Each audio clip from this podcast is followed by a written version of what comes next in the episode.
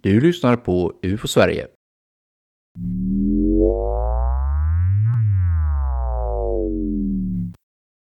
Jag och min mamma var på väg hem den 30 maj 2023.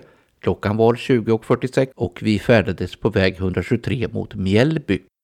Helt plötsligt ser min mamma ett runt metalliskt föremål som flyger längs vägen strax ovanför oss. Jag ser också föremålet och bekräftar att jag ser samma sak. Direkt går jag in på Flight Radar 24 och kollar att det inte är ett flygplan, men det fanns inga närliggande flygplan i vårt område. Föremålet färdades ganska snabbt, ungefär i samma hastighet som vår bil på ungefär 70 km i timmen. Föremålet var runt och liknade den typiska ufo-formen som brukar synas i tv-serier, fast med en slags upphöjning liknande en hexagon. När vi sedan svängde av vägen mot Mjällby försvann föremålet upp i himlen.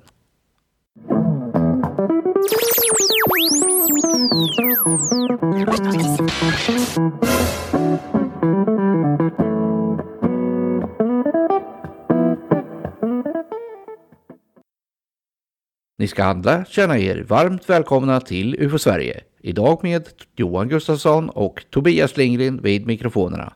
Och när Johan är med vet ni att vad som helst kan hända. Men vi är i början av året och då blir det statistik när vi ska tala om rapportåret 2023.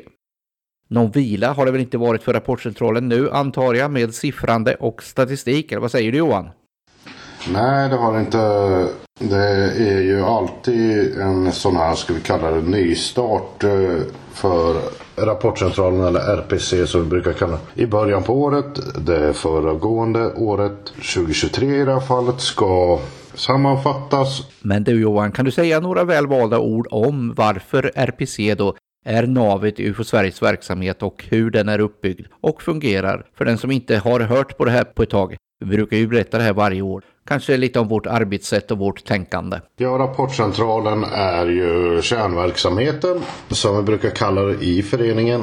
Det är ju jag som sitter på RPC och har ett visst stöd utav Kent Cederborg i Stora Husby utanför Eskilstuna. Som eh, hjälper mig lite grann med, med samtal då. Och det går ut på att vi tar i första hand jag då tar hand om, administrerar, ombesörjer helt enkelt de rapporter som kommer in till oss. Ofta så hanterar jag ju dem själv, eh, sköter undersökning, utvärdering och så vidare.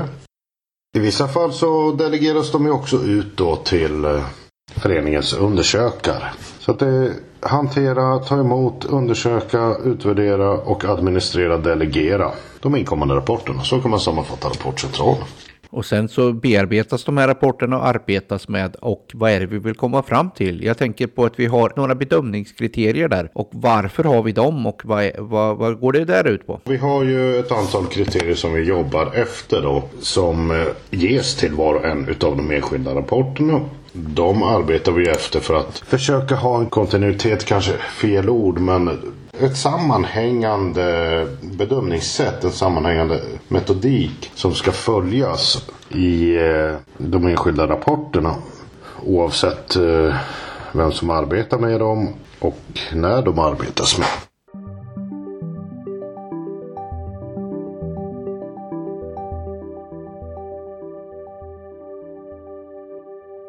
Men den här, jag hade läst ju en rapport här i inledningen här. Vad kan det vara för någonting? Ja, precis. Jag kände ju igen den där. Det var ju en mamma och en dotter som körde bil här nere i Skåne och eh, fick se eh, ett objekt som följde vägen. Jag tänkte att vi skulle bjuda in lyssnarna lite här och att jag helt enkelt plockar ut den här rapporten och berätta vad som gjordes med den. Eh, hade du ett datum på den här rapporten? Eller? 30 maj 2023. Ja, då kan man ju helt enkelt göra så att man letar upp den i våran eh, sammanställning. Se vad vi har eh, gjort med den enskilda rapporten i det här fallet. Jag la ju ner lite jobb på den här rapporten. Den är ju inte helt ointressant i sin beskrivning eftersom den talar om ett sånt här formbeskrivet typiskt eh, klassiskt diskus eller tefasliknande objekt. De var två personer här som såg det. De har en väldigt eh, god eh, tidsangivelse eftersom de försökte filma och fotografera det här. Det gick inte så bra däremot. Dessvärre så har vi bara kunnat eh, intervjua en utav dem. Och det är dottern som skickade in den här rapporten. Mamman var villig att ställa upp men eh, av vissa vissa orsaker så verkar det som att det inte var aktuellt sen när vi eh, försökte komma i kontakt. Det blev aldrig av tyvärr. Jag har kollat flygtrafik, fått in eh, en skiss på hur de eh, uppfattar det, eller hur dottern uppfattar det. Så det har lagts lite, lite tid på att bearbeta den här rapporten. Någon flygtrafik som kan förklara det de såg finns inte riktigt där, inte då. Jag har också konstaterat när jag skrivit ihop det här att även om det finns en formbeskrivning på det här objektet så är det inte en alltför påtaglig observation. Det är en snudd på ett punktformat objekt som, som går att urskilja. Av det man kan se i de här bilderna så är det på det viset. Så de här bilderna har övrigt att önska kan man säga. Man kan inte göra någon bra bedömning med hjälp av fotografierna. Nej, tyvärr så ger inte de så mycket information va, om objektet utan vi ser det bara en, en liten prick. Och då kan man ju tänka sig att kameran är inte så, så duktig som vi kanske tror. Man kan inte byta ut den både ögonen så att säga. Nej, den har inte samma kapacitet som um, vi har rent visuellt. Vi kan ju se desto bättre faktiskt i många fall. Så är det ju. Åtminstone om vi pratar om de här vardagskamerorna som folk ofta skickar in bilder från till oss. Men det här är en typisk rapport som, så, som det brukar se ut emellanåt. Ja, sånt där kommer ju ibland. Även om det vanligaste är ljusfenomen och sånt på, i, i mörker. Men sådana här rapporter får vi också mellan varven. Så den här, tycker du att den är lite bättre än genomsnittet? Att du vill lägga lite mer krut på en sån här? Ja, det tycker jag. Absolut. Något kriterium på den här rapporten har vi alltså inte kommit fram till? Jo, den är kategoriserad som svårbedömd, vilket i praktiken innebär oförklarad och oidentifierad. Eftersom vi bara har kunnat uh, få en redogörelse från ett av de här två vittnena så är det inte aktuellt att klassa den som ett UFO, trots att den är oidentifierad. Men UFO är ett av de här kriterierna vi har. Ja, det är det. Det finns fler kriterier. Skulle du kunna rabbla upp själva namnen på kriterierna bara? Eh, beteckningarna är det vi pratar om då, då och eh, precis de heter det, det, vi har är ju då IFO som står för identifierat flygande objekt, troligt IFO och det är då IFO avser när man ganska säkert har kunnat konstatera att det är det ena eller det andra. Sen har vi troligt IFO. Det är lite mer sannolikt bara. Sen har vi psykologisk förklaring som ju då avser rapporter där det finns en lite starkare psykologisk bakomliggande faktor. Det är ofta som det finns psykologiska inslag men här ska det ju vara den lite mer bärande punkten. Man kanske ska vara en hallucination av något slag eller direkt va. Och eh, sen har vi bluff. Och jag kan ju understryka bara att i årets statistik och i väldigt många årsredovisningar så står bägge de här på noll. Det finns ingen rapport som har getts beteckningen psykologisk förklaring eller bluff. Sen har vi svårbedömd ej bedömbar, svårförklarad och slutligen UFO. UFO är ju självförklarande eller kräver det en liten förklaring kanske? Ja, vi är ju lite striktare i föreningen mot vad ofta gemene man är skulle jag vilja påstå. Därför att vi har ju ganska så hårda kriterier för vad som ska uppfyllas för att vi ska sätta den här beteckningen UFO på en rapport. Nu betyder ju inte det att vi för den sakens skull bedömer allting annat som inte uppfyller de här kriterierna som ointressant. Tvärtom. Det finns mycket intressant utanför den här kategorin. Men jag kan ju beskriva lite grann. Jag skulle ju till och med kunna citera hur våra kriterier för beteckningen UFO ser ut. Om jag läser rakt upp och ner här ur våra bedömningsgrunder så har vi skrivit då beteckningen används när objektet ej kan identifieras som något av ovanstående och då syftar nu på de andra beteckningarna.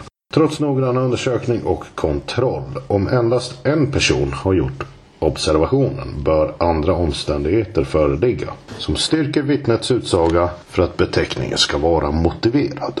Exempel på sådant är fotografier, radarutslag, fysiska spår på platsen.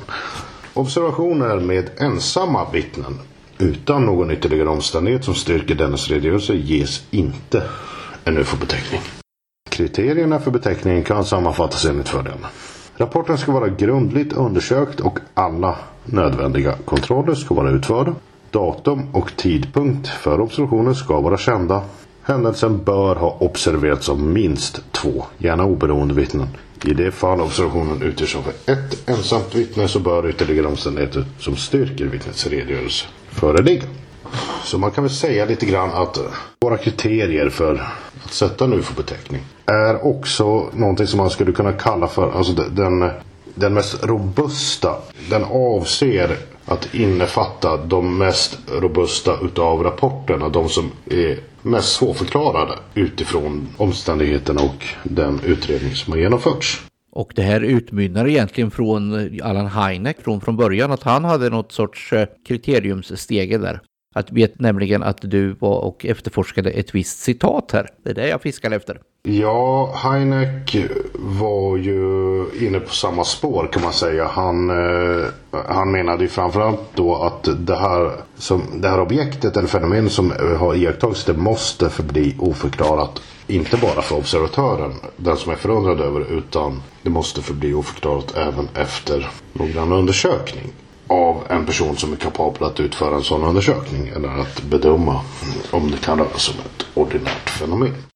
Heineck är ju också inne på det här med att han gärna vill ha flera vittnen. I sin eh, klassiska bok The UFO Experience så tar han bara upp exempel där det är antingen flera vittnen eller där det finns just det vi pratar om här. Kompletterande omständigheter, andra omständigheter som styrker. Exempelvis Socorro-fallet är ett sånt där fall som han har med i sin bok. Va? Där är ju ett ensamt vittne. Det var en polisman som såg en cigarrformad farkost kan man säga. Med två besättningsmän i New Mexico när han var ute på patrull där. Och han var ju själv då men det fanns ju spår på backen som eh, talade i samma riktning som polismannen uppgav den styrktans redogörelse. Så att, eh, så att det är väldigt liknande kriterier som han använder så som, som vi följer idag.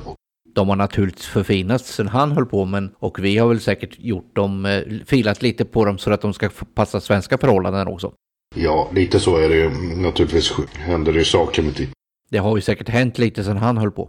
Precis, han gick ju bort på 80-talet så att uh, vi, vi har ju givetvis kommit lite längre i, i frågan men uh, det, det, är ju väldigt likt ändå skulle jag säga. Det, det som han rekommenderade redan då. Ja, så vi har en stabil grund att stå på där. Ja, det tycker jag. Och du nämner Socorro-fallet här och det tycker jag naturligtvis att vi gör en podd på framöver. Ja, det tycker jag.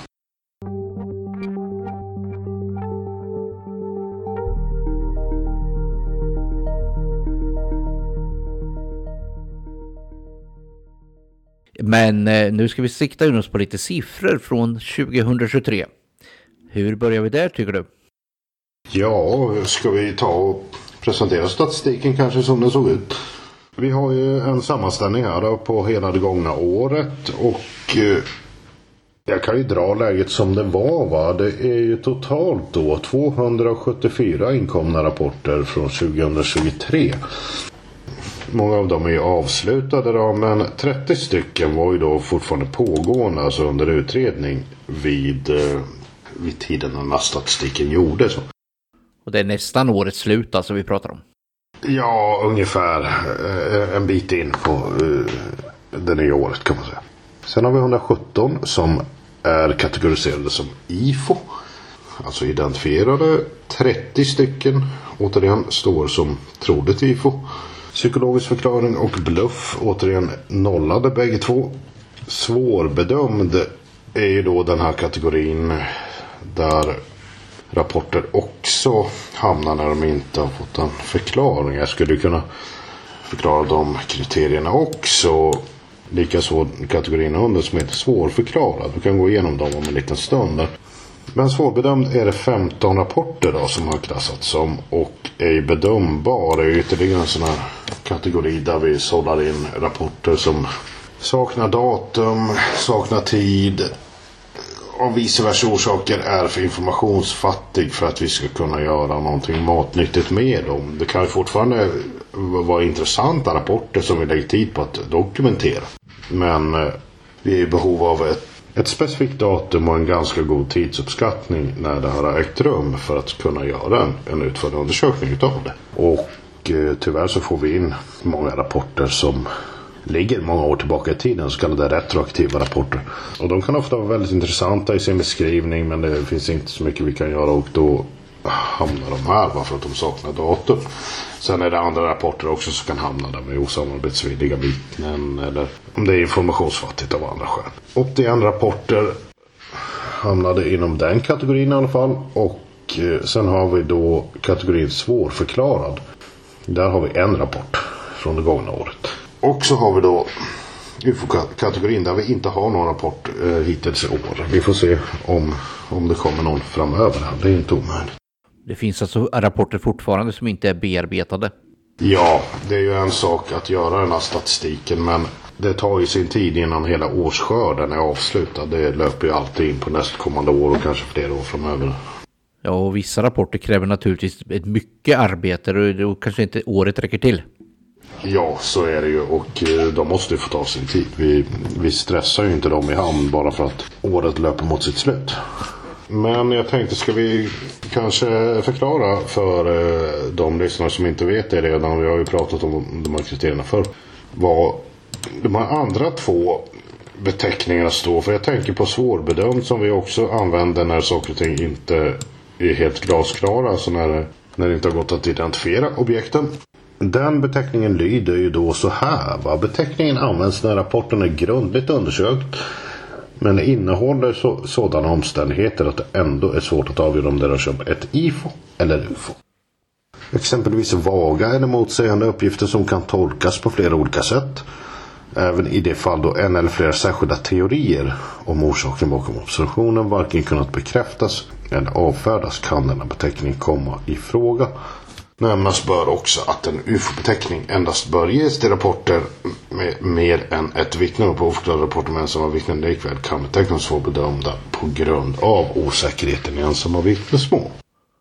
Så där har vi sammanfattningsvis den va. Sen har vi då beteckningen svårförklarad därunder och den uh, införde jag för ett par år sedan här. Med anledning av att jag tyckte att det var lite... Det var för stort glapp mellan de två sista där.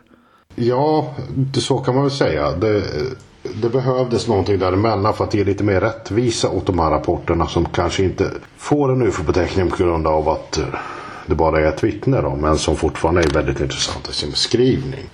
Den lyder så här. Beteckningen svårförklarad tillämpas när det rör sig om en påtaglig observation om ett objekt som i sitt utseende eller beteende avviker på ett tydligt sätt från kända ordinära föremål och fenomen. Denna beteckning avses främst att användas för rapporter om påtagliga observationer som trots en noggrann undersökning inte kunnat ges en trolig förklaring men som inte ges en UFO-beteckning. På grund av att det utgörs endast av ett ensamt vittne. Exempel på rapporter som är aktuella för beteckningen svårförklarad är rapporter om föremål och fenomen som i sin formbeskrivning avviker från kända föremål och fenomen och eller rapporter som om föremål och fenomen som i sitt beteende avviker tydligt från kända föremål och fenomen.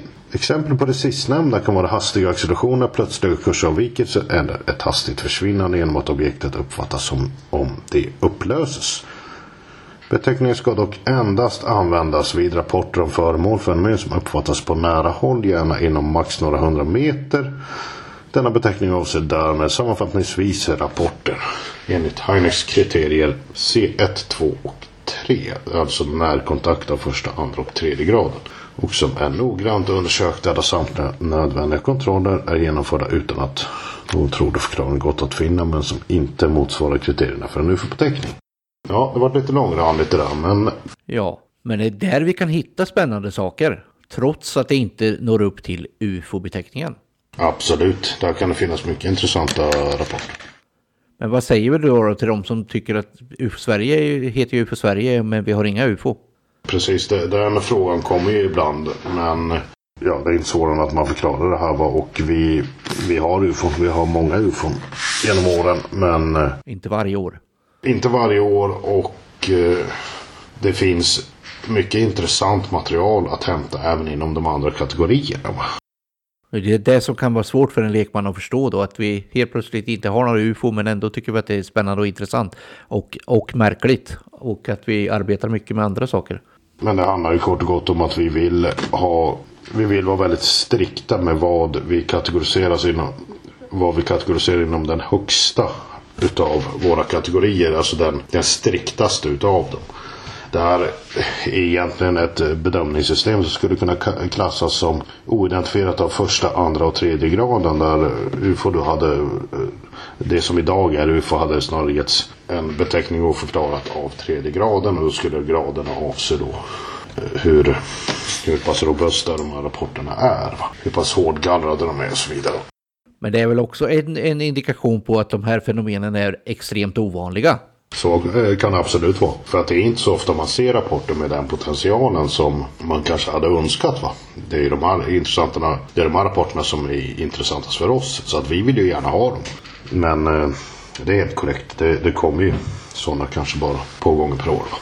Men jag antar att du har plockat fram några rapporter som är intressanta under året av någon eller annan aspekt. Ja, jag tänkte att jag skulle dra en rapport från Ulricehamn här. Som har fått just den här eh, beteckningen svårförklarad under det gångna året.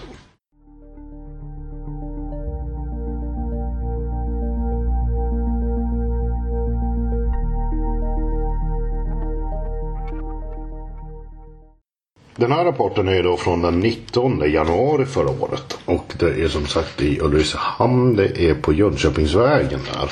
Och jag tänkte jag skulle läsa upp den här rapporten för den är inte så lång då. Då står det så här i rapporten.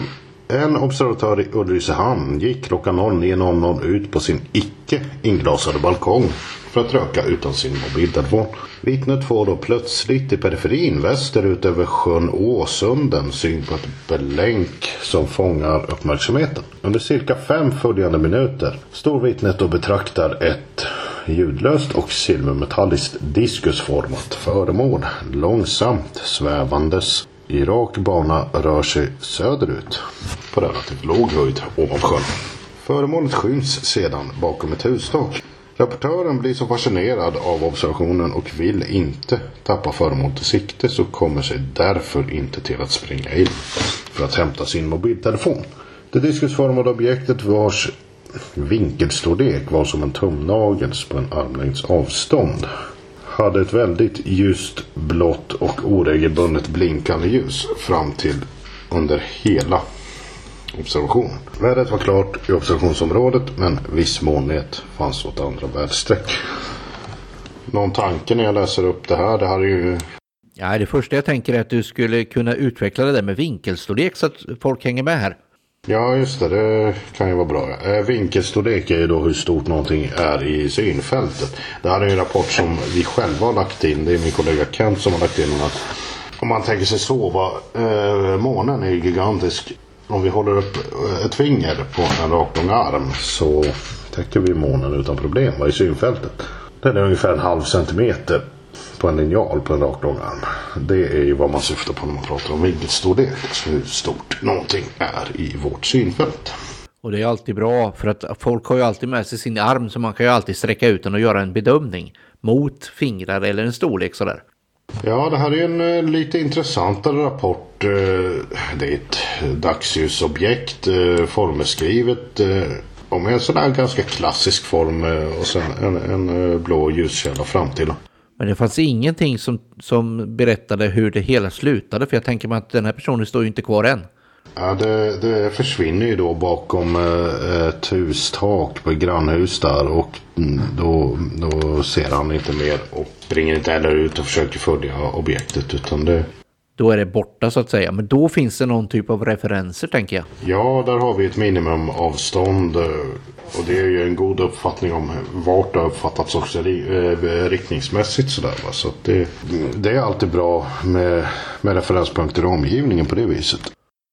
Jag har ju en bild här framför mig där eh, objektets bana är utritad från balkongen. Och det, ganska rakt fram. Något eh, lätt neråt skulle jag säga. För att den här sjön ligger på lite avstånd. Va? Och eh, höjdvinkeln då.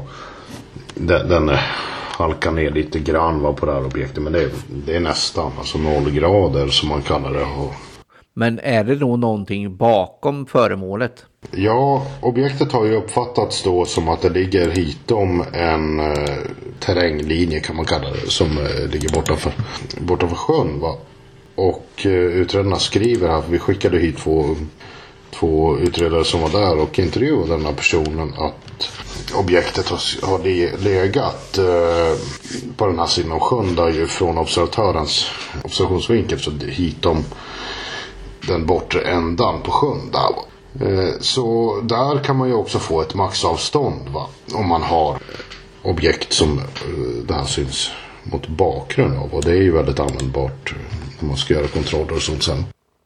Då finns det alltså ett intervall så man kan veta var det här objektet har befunnit sig emellan. Ja, troligtvis så har vi i alla fall att göra med, med en sån intervall, precis som du kallar Den här rapporten delegerade ju till eh, fältundersökare, välutbildade genom UFO Sveriges kursverksamhet. Hur eh, angrep de det hela då? Ja, precis. De har ju varit där då och eh, intervjuat det här vittnet och eh, så har vi fått in eh, teckningarna och bilderna och sånt där.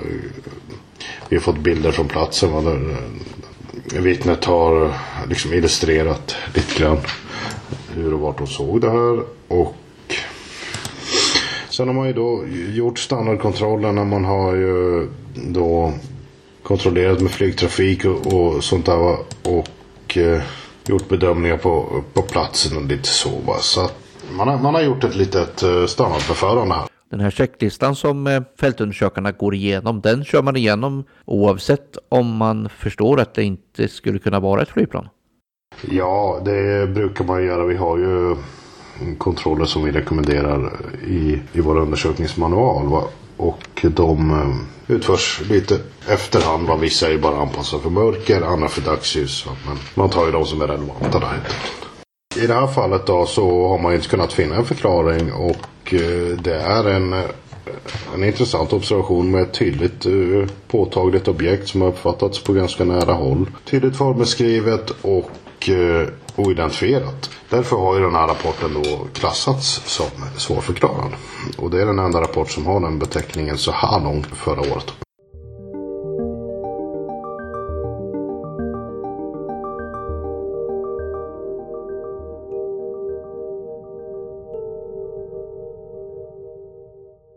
Men jag tänkte så här att vi, vi skulle kunna plocka ut ytterligare någon sån här enstaka rapport ifrån det gångna året som vi gjorde i början på avsnittet här. Och eh, helt enkelt eh, se vart, vart den har landat. Vad som har hänt med den.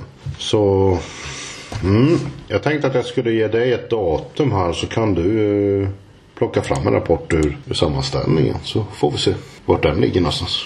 Ja, ta fram slumpgeneratorn nu då. Då har jag klickat i kalendern här. Jag hamnar på 11 augusti. Det blir ju till att vi har en rapport ifrån det också. 11 augusti, då går vi dit ska vi se. Och det visar sig att det har vi ingen. Men vi har en tionde och en tolfte. Vilken ska vi ta? Ja, då kan vi ta den tolfte i sådana fall.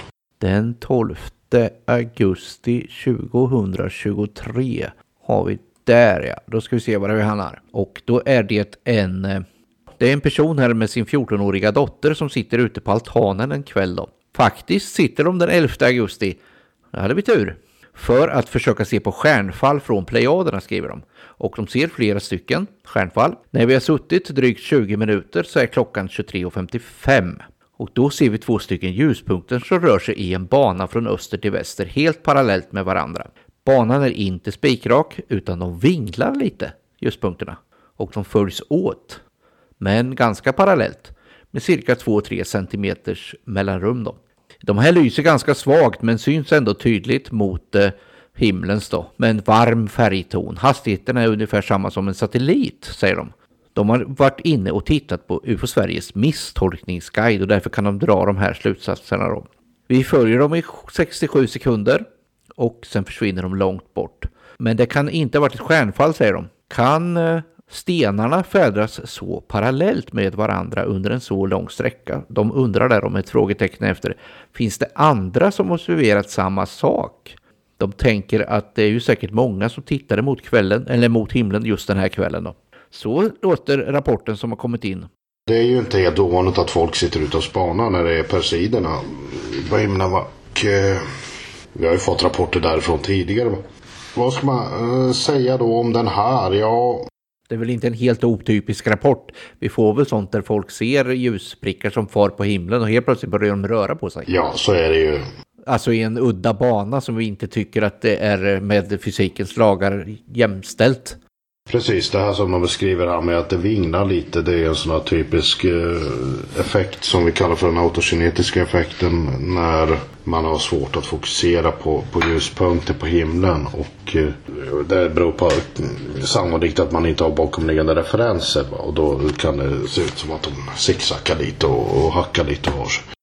Men det är väl heller inte ovanligt att, att det är uh, saker i himlen då som går parallellt på det här viset. Nej, det, det, är ju en möjlighet. Va? Särskilt satelliter skulle ju kunna röra sig på det här viset. Va?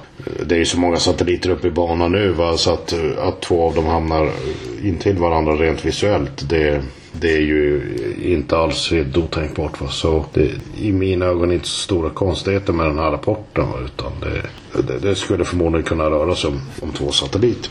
Och det är ett sådant svar man ger på en sån här vanlig rapport till eh, observatören. Ungefär så ja. Det blir ganska snabbt avklarad av dig när, de, när den kommer in gissar jag. Ja, det här är ju en sån rapport som vi inte lägger ner så mycket tid på. Ja, men det var ju lite spännande där. Ska vi slumpa fram en till tycker du? Ja, det tycker jag. Vi kan eh, köra en till när vi ändå håller på.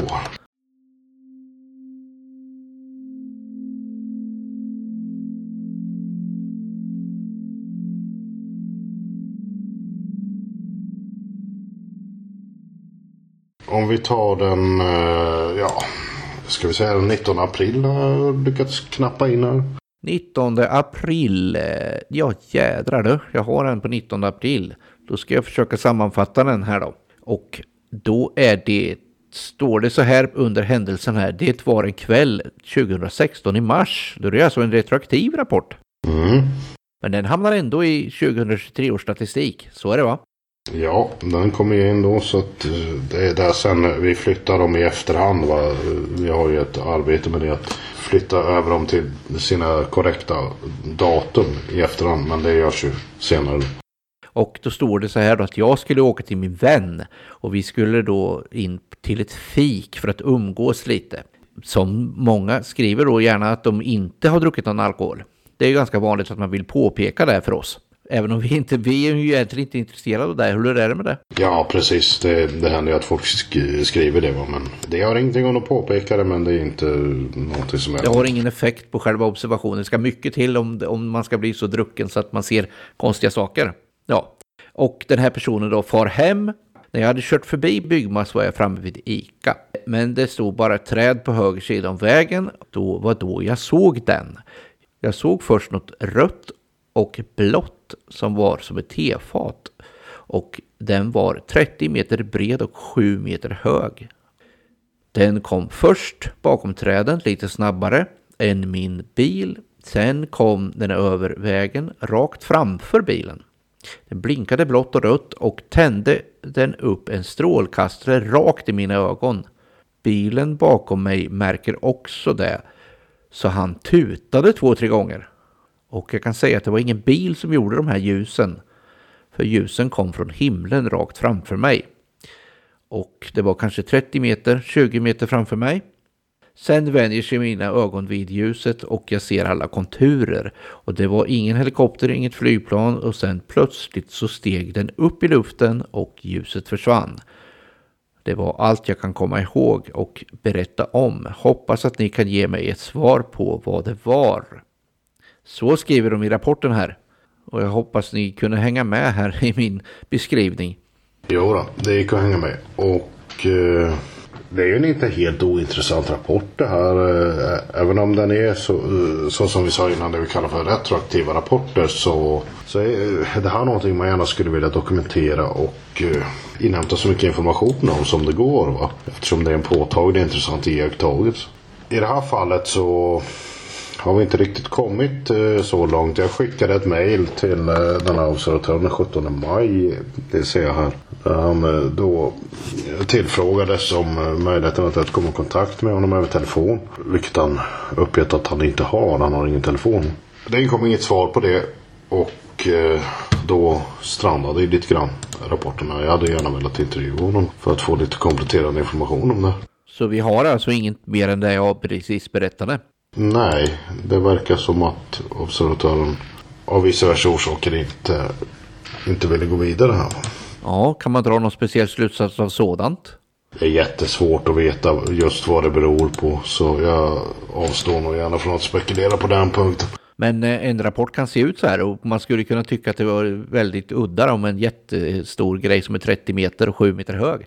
Ja, och eh, det är ju som sagt ett intressant innehåll eller en intressant beskrivning. Och sådana rapporter kommer ju mellan varven. Tyvärr så är de ju ofta just retroaktiva på det här viset. Va? Så det, det är inte lika vanligt att de kommer in dagsfärska när de är av den kaliber.